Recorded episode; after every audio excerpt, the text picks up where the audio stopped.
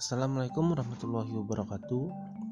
Selanjutnya saya akan menjawab persoalan nomor 9 yaitu bagaimana penerapan janji dalam bisnis dan keuangan menurut fatwa.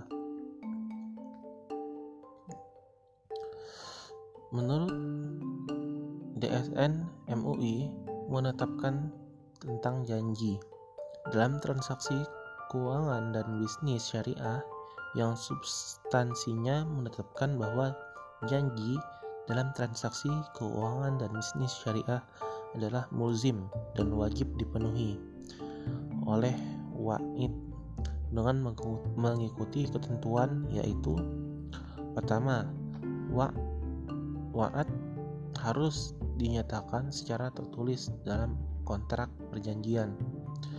Wa'ad atau janji harus dikaitkan dengan sesuatu atau syarat yang harus dipenuhi atau dilaksanakan ma ma'ud yaitu wa'ad bersyarat. Yang ketiga, ma'ud bih tidak bertentangan dengan syariah.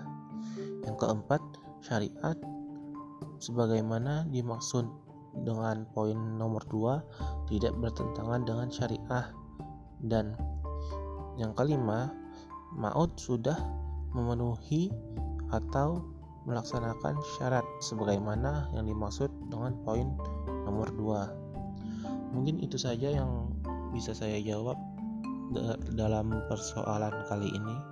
Selanjutnya saya akan menjawab persoalan nomor 10.